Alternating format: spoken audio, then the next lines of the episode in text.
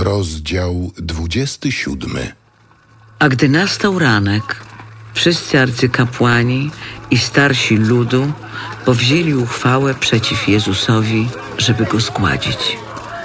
Związawszy go, zaprowadzili i wydali w ręce namiestnika Poncjusza Piłata. Wtedy Judasz, który go wydał, widząc, że go skazano, opamiętał się, zwrócił trzydzieści srebrników arcykapłanom i starszym i rzekł. Zgrzeszyłem, wydając krew niewinną. Lecz oni odparli, Co nas to obchodzi? To twoja sprawa. rzuciwszy srebrniki w stronę przybytku, oddalił się, a potem poszedł i powiesił się. Arcykapłani zaś wzięli srebrniki i orzekli. Nie wolno kłaść ich do skarbca świątyni, bo są zapłatą za krew. Po odbyciu narady kupili za nie pole garncarza na grzebanie cudzoziemców. Dlatego pole to aż po dziś dzień nosi nazwę pole krwi. Wtedy wypełniło się to, co powiedział prorok Jeremiasz. Wzięli trzydzieści srebrników, zapłatę za tego, którego oszacowali synowie Izraela i dali je za pole garncarza, jak mi Pan rozkazał. Jezusa zaś postawiono przed namiestnikiem. Namiestnik zadał mu pytanie. Czy ty jesteś królem żydowskim? Tak, ja nim jestem. A gdy go oskarżali arcykapłani i starsi, nic nie odpowiadał. Wtedy zapytał go Piłat. Nie słyszysz, jak wiele zeznają przeciw tobie? On jednak nie odpowiedział mu na żadne pytanie, także namiestnik bardzo się zdziwił. A na każde święto namiestnik miał zwyczaj uwalniać jednego więźnia, którego chcieli. Trzymano zaś wtedy znacznego więźnia imieniem Barabasz. Gdy się więc zgromadzili, spytał ich Piłat. Którego chcecie, żebym wam uwolnił? Barabasza czy Jezusa, zwanego Mesjaszem? Wiedział bowiem, że przez zawiść go wydali, a gdy on odbywał przewód sądowy, żona jego przysłała mu ostrzeżenie. Nie miej nic do czynienia z tym sprawiedliwym, bo dzisiaj we śnie wiele nacierpiałam się z jego powodu. Tymczasem arcykapłani i starsi namówili tłumy, żeby żądały Barabasza, a domagały się śmierci Jezusa. Pytał ich namiestnik. Którego z tych dwóch chcecie, żebym wam uwolnił? Odpowiedzieli. Rzekł do nich Piłat. Cóż więc mam uczynić z Jezusem, którego nazywają Mesjaszem? Cóż właściwie złego uczynił? Lecz oni jeszcze głośniej krzyczeli. Piłat, widząc, że nic nie osiąga, a wzburzenie raczej wzrasta, wziął wodę i umył ręce wobec tłumu, mówiąc: Nie jestem winny krwi tego sprawiedliwego. To wasza rzecz. Krew Jego na nas i na dzieci nasze! Wówczas uwolnił im Barabasza, a Jezusa kazał ubiczować i wydał na ukrzyżowanie. Wtedy żołnierze namiestnika zabrali Jezusa ze sobą do pretorium i zgromadzili koło niego całą kohortę. Rozebrali go z szat i narzucili na niego płaszcz szkarłatny. Uplutwszy wieniec z ciernia włożyli mu na głowę, a do prawej ręki dali mu trzcinę. Potem przyklękali przed nim i szydzili z niego, mówiąc... Witaj, królu żydowski! Przy tym pluli na niego, brali trzcinę i bili go po głowie. A gdy go wyszydzili, zdjęli z niego płaszcz, włożyli na niego własne jego szaty i odprowadzili go na ukrzyżowanie. Wychodząc, spotkali pewnego człowieka z Cyreny imieniem Szymon. Tego przymusili, żeby niósł krzyż jego. Gdy przyszli na miejsce zwane Golgotą, to znaczy miejscem czaszki, dali mu pić wino zaprawione goryczą.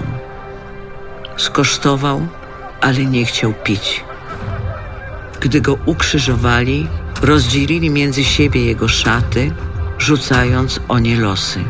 I siedząc tam, pilnowali go. A nad głową jego umieścili napis z podaniem jego winy. To jest Jezus, król żydowski.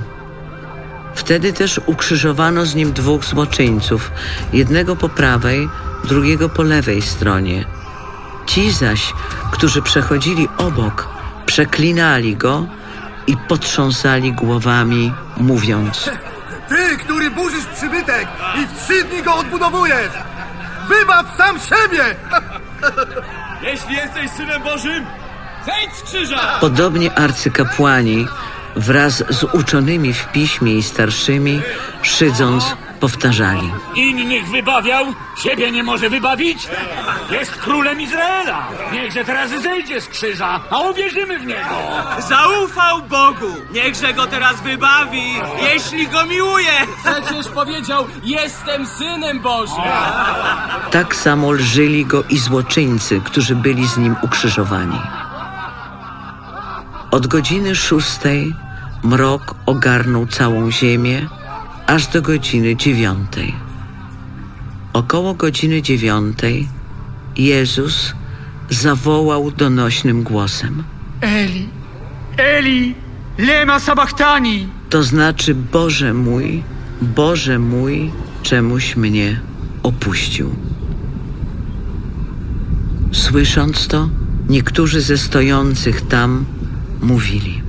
On Eliasza woła. Zaraz też jeden z nich pobiegł i wziąwszy gąbkę, nasączył ją octem, umocował na trzcinie i dawał mu pić. Lecz inni mówili, Zostaw. Popatrzmy, czy nadejdzie Eliasz, aby go wybawić. a Jezus raz jeszcze zawołał donośnym głosem i oddał ducha.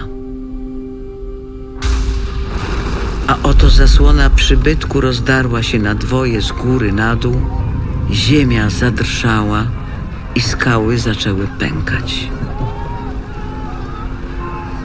Groby się otworzyły i wiele ciał świętych, którzy umarli, powstało.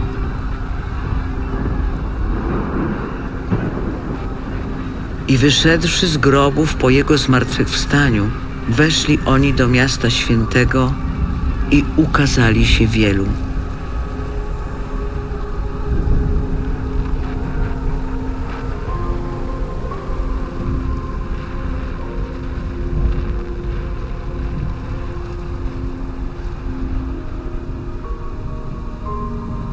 Setnik zaś i jego ludzie, którzy trzymali straż przy Jezusie, widząc trzęsienie ziemi i to, co się działo, zlękli się bardzo i mówili. Prawdziwie, ten był synem Bożym. Było tam również wiele niewiast, które przypatrywały się z daleka. Szły one za Jezusem z Galilei i usługiwały mu. Były wśród nich Maria Magdalena, Maria matka Jakuba i Józefa oraz matka synów Zebedeusza. Pod wieczór przyszedł zamożny człowiek z Arymatei imieniem Józef, który też był uczniem Jezusa. Udał się on do Piłata i poprosił o ciało Jezusa. Wówczas Piłat kazał je wydać. Józef zabrał ciało, owinął je w czyste płótno i złożył w swoim nowym grobie, który kazał wykuć w skale. Przed wejściem do grobu zatoczył duży kamień i odszedł. Lecz Maria Magdalena i druga Maria pozostały tam, siedząc naprzeciw grobu. Nazajutrz, to znaczy po dniu przygotowania, zebrali się arcykapłani i faryzeusze u Piłata i oznajmili. Panie, przypomnieliśmy sobie, że ów oszust powiedział jeszcze za życia: Po trzech dniach powstanę. Każ więc zabezpieczyć grób aż do trzeciego dnia, żeby przypadkiem nie przyszli jego uczniowie, nie wykradli go i nie powiedzieli ludowi: Powstał z martwych. I będzie ostatnie oszustwo, gorsze od pierwszego.